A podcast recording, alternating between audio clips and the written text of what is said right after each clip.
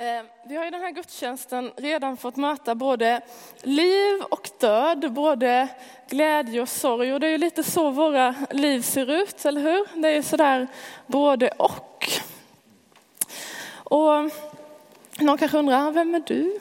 Sofia Bengtsson heter jag, och en av medlemmarna här i den här församlingen. Om jag ska ge några exempel på den där dubbelheten av den där både och så funderade jag ett tag och tänkte, ja men igår kväll så träffade jag några vänner och vi åt mat och vi spelade spel och umgicks. Så det är ju en sån där glädje. Det finns ju också människor som gör väldigt mycket som är bra. Vi ska se om det kommer upp en bild här. Det här är Malala Yousafzai, tror jag det är hon heter. Eh, det är en 16-årig pakistansk tjej som eh, blev skjuten i ansiktet på grund av att sitt engagemang för flickors rätt att gå i skolan. Eh, jättespännande tjej, läs gärna om henne, vad hon gör. Alltså det finns personer som jobbar för saker som är bra. Men jag har också med mig tidningen här från i måndags. Det är korren från i måndags. Och på framsidan så står det ett stort varför när de skriver om de tragiska dubbelmordet i Ljungsbro förra helgen. I veckan har man också på nyheterna kunnat höra om eh, den stora orkanen i Filippinerna. Eh, det finns mycket, men vi behöver inte åka så långt egentligen för att se den här trasigheten på något sätt i vår värld. Det räcker egentligen med att kolla på våra egna liv. Ehm, det kan till exempel handla om hur vi är med och sårar andra människor, men kanske också oss själva. Jag kan i alla fall se det i mitt e- eget liv så. Men så vi lever i en värld med både gott och ont. Och ehm, jag har tidigare läst till fritidsledare och då så intervjuade jag gymnasieungdomar om deras tankar kring och erfarenheter av tro. Och då var det en kille som sa ungefär så här, att om Gud finns så är det ändå ingen jag skulle vilja göra high five med direkt när världen ser ut som den gör. Alltså,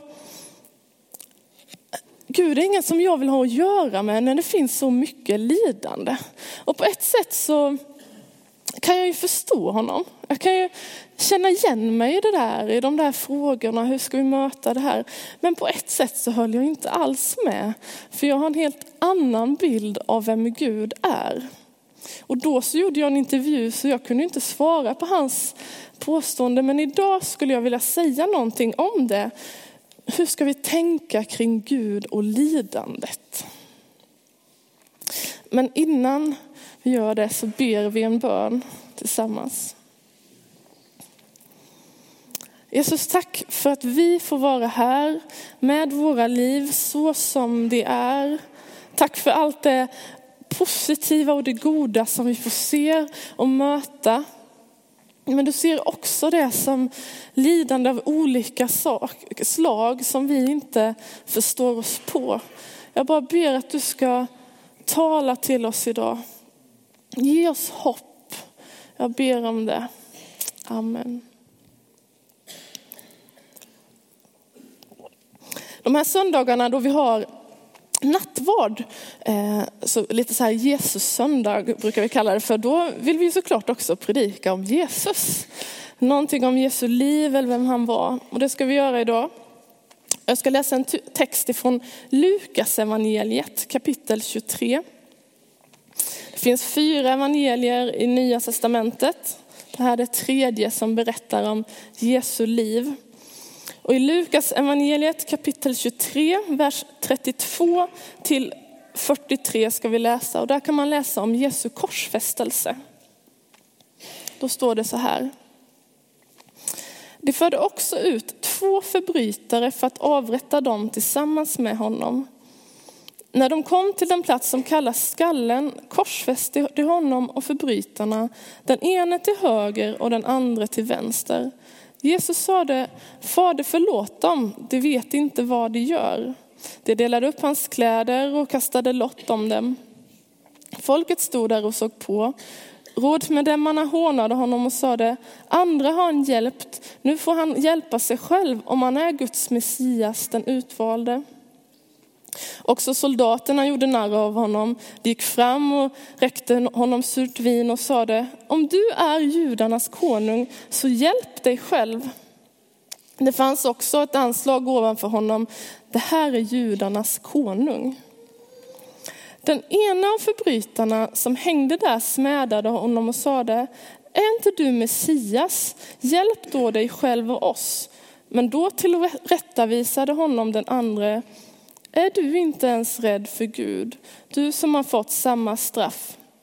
Vi har dömts med rätta, vi får vad vi har förtjänat, men han har inte gjort något ont. Och han sade, Jesus tänk på mig när du kommer med ditt rike. Och Jesus svarade, sannerligen redan idag ska du vara med mig i paradiset. Tillsammans med Jesus så korsfästs två förbrytare. Den ena till höger och den andra till vänster. Och jag kan ibland fundera lite över deras liv också. Alltså, hur kommer det sig att de hamnade där? Vilka var de? Vad hade de mött för gott i livet? Vad hade de mött som ger dem glädje? Eh, vad får dem att skratta? Eh, men också vad har sårat dem? Och läser man Nya Testamentet så kan man se att vid Jesu korsfästelse så var också Jesu mor med och fanns vid korset. Och jag undrar, fanns de här förbrytarnas mammor också där? Stod de och sörjde över sina söner, över livet som blev som det blev? Det var ändå deras älskade barn som de hade burit på. Fanns de också där? Eller var de sedan länge ute ur bilden? Alltså vi vet ju inte riktigt. Det enda vi egentligen vet om de här förbrytarna, det är att den ena i vers 41 säger att vi får vad vi har förtjänat. Så någonting har de ju gjort.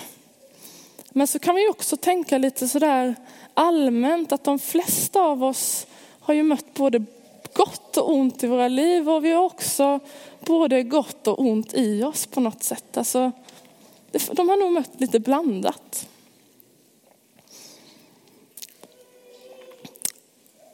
Och att bli, att bli korsfäst, att bli avrättad är ju på något sätt att bli bortstött av människor. Alltså vi vill inte ens att ni ska leva längre.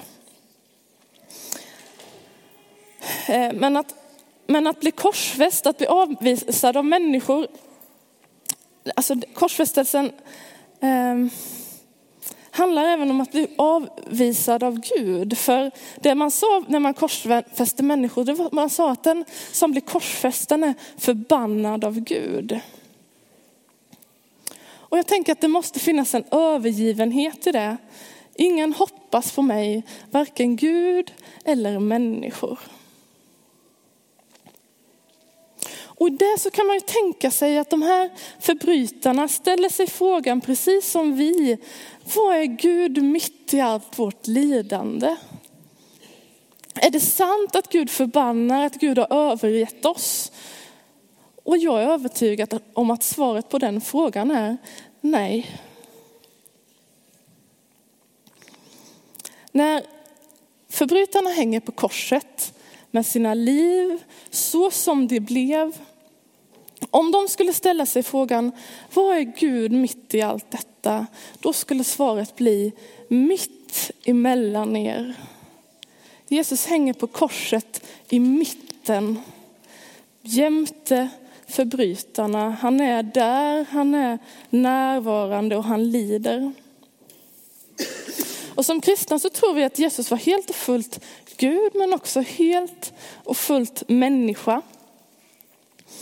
Och på korset så möter vi en lidande Gud, en döende Gud. Gud har inte övergett oss utan Gud finns med oss i vårt lidande.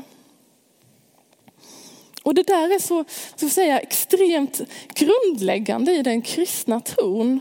Att vi har en Gud som har blivit sårad och som lider med oss men också för oss. Och då kan man fråga sig, men varför är det så viktigt? Jo, för den som inte, alltså den som inte kan lida med människor kan inte älska människor, alltså känna med människor heller. Eh, och vi tror inte på en Gud som är likgiltig, utan vi tror på en Gud som älskar.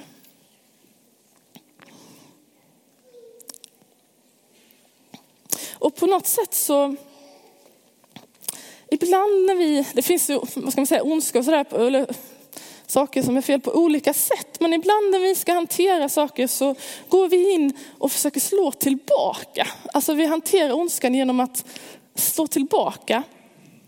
Eh, och det där brukar inte lyckas så väl.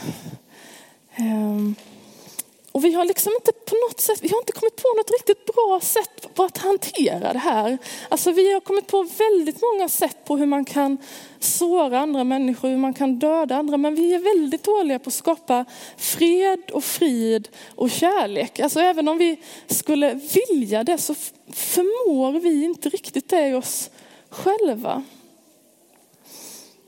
Och Guds sätt att hantera det här, det är inte att slå tillbaka, utan det är att ge sitt liv. Alltså han låter sig själv bli offrad. Och Jesus han ger sitt liv för att vi ska kunna leva i en nära och god relation med Gud, med varandra och med hela, hela skapelsen. Om vi går tillbaka till förbrytarna. Det är olika hur vi reagerar inför, den dö, inför döden. Den ena förbrytaren hånar Jesus och säger, ah, men, ah, lycka till, hjälp, dig, hjälp oss om du kan. Eh. Men den andra förbrytaren, han, han verkar se någonting i Jesus. Kanske blir han gripen av när Jesus säger till dem som korsfäster honom, Fader förlåt dem, de vet inte vad de gör. Och han verkar på något sätt ana att det där är ingen vanlig människa som jag korsfäst tillsammans med, utan det är Gud. Och det står i vers 42 till 43 står det så här. Och han sade, Jesus tänk på mig när du kommer med ditt rike. Och Jesus svarade, sannerligen, redan idag ska du vara med mig i paradiset. Förbrytaren säger inte till Jesus att jag tror att du är den här och den här och jag ska göra det här för dig. Men, utan han säger Jesus, tänk på mig. Och det på något sätt räcker för Jesus. Det är som att den här ena förbrytaren ger Jesus lillfingret, men Jesus tar hela handen och han säger, sannerligen redan idag ska du vara med mig i paradiset. Förbrytaren säger, tänk på mig och Jesus ger honom allt.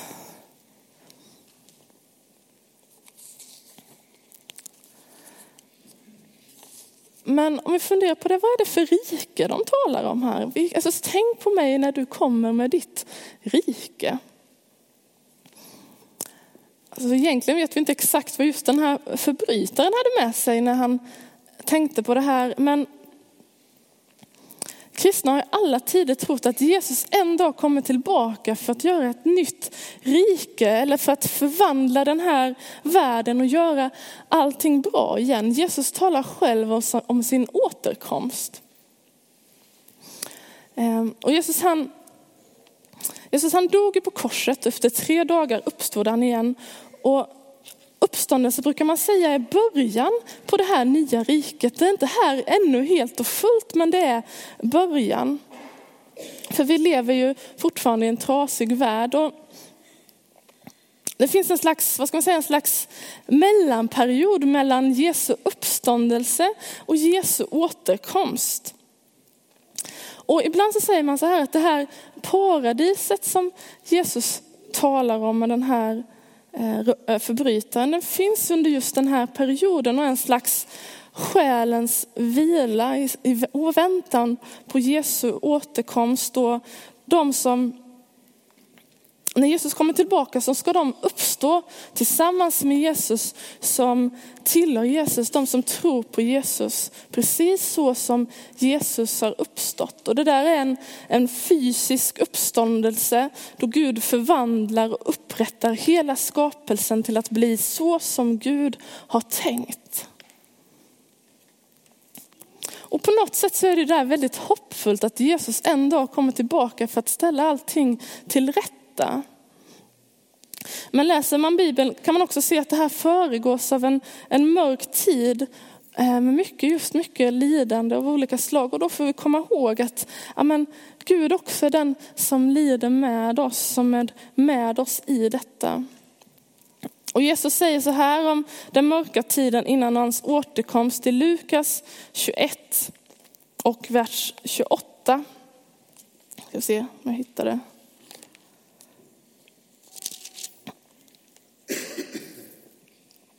När allt detta börjar, så räta på er och lyft era huvuden, ty er befrielse närmar sig.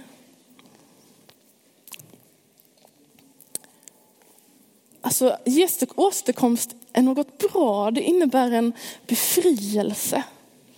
Och om man läser i det näst sista kapitlet i Bibeln, i Uppenbarelseboken, så kan man läsa om hur det ska vara när Jesus har kommit tillbaka och förvandlat och återupprättat hela sin skapelse.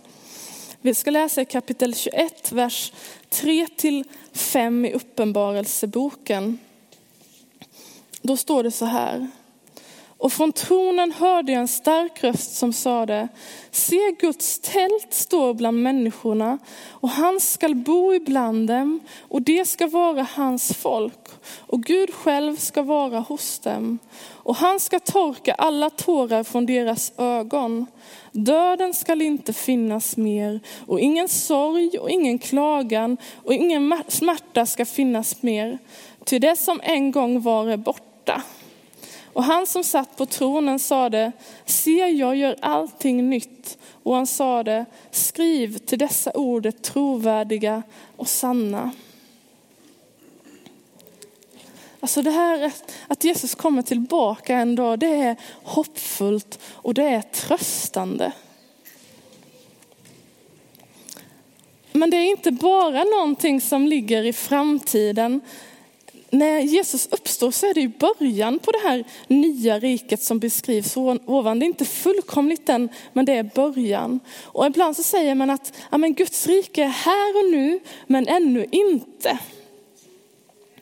Alltså det innebär till exempel att vi redan här och nu kan få ha en relation med Gud, med kärleken själv. Att Gud han verkar, att han helar, att han förvandlar människor, att han ger hopp. Men det är inte fullkomligt. Jag tänkte bara berätta en berättelse om det här, om hur Gud verkar redan idag, hur Gud ger hopp redan idag, hur Guds rike redan är här och nu. Eh, för fem år sedan så träffade jag två gymnasietjejer och de berättade den här berättelsen för mig. Och det är en sån där berättelse, eller ett sånt möte som man inte glömmer. Och de har berättat det här offentligt innan så jag tänker att det går bra att jag gör det också. Men det var i alla fall så att den ena tjejen var en kristen tjej. En dag så var hon ute på stan och så bad hon en väldigt kort och enkel bön. Och det var att ja, men Gud, Gud använde mig, bad hon. Och sen av någon anledning så ställde hon sig så här och sträckte ut armarna. Och då så kom det en tjej som grät och som talade telefon som kom gående rakt in i hennes famn. Och hon liksom bara kramade om henne och stod där en stund så. Efter ett tag så visste hon inte riktigt vad hon skulle göra men hon, hon var på väg till kyrkan så hon sa att eh, ja, jag ska till kyrkan, vill du följa med? Och den här andra tjejen hon följde med och de var på en samling där för ungdomarna. Ehm, och så var den här andra tjejen som hade gråtit och så hon sa inte så mycket men innan de gick hem i alla fall så bytte de mejladresser och sen gick de. Och sen då efter några dagar så fick den här kristna tjejen ett mejl från den andra då hon berättar vad som hade hänt. Och då berättar hon så här att nej men, Anledningen till att jag hade alltså, gråtit där och gått och talat till telefon, det var att när jag gick där så ringde jag eh, för att säga hej då till folk. Jag hade nämligen tänkt att när jag kommer hem idag, då, nej, men då ska jag avsluta mitt liv. Det var det som hon var på väg för att göra. Och då kom den här tjejen. Och den här liksom mötet med den här tjejen har gjort så att den, här tjejen, den andra tjejen lever idag. Och jag tänker att det är ett sätt som Gud använder människor redan idag och verkar och ger hopp till den som inget hopp har. Guds rike är redan här.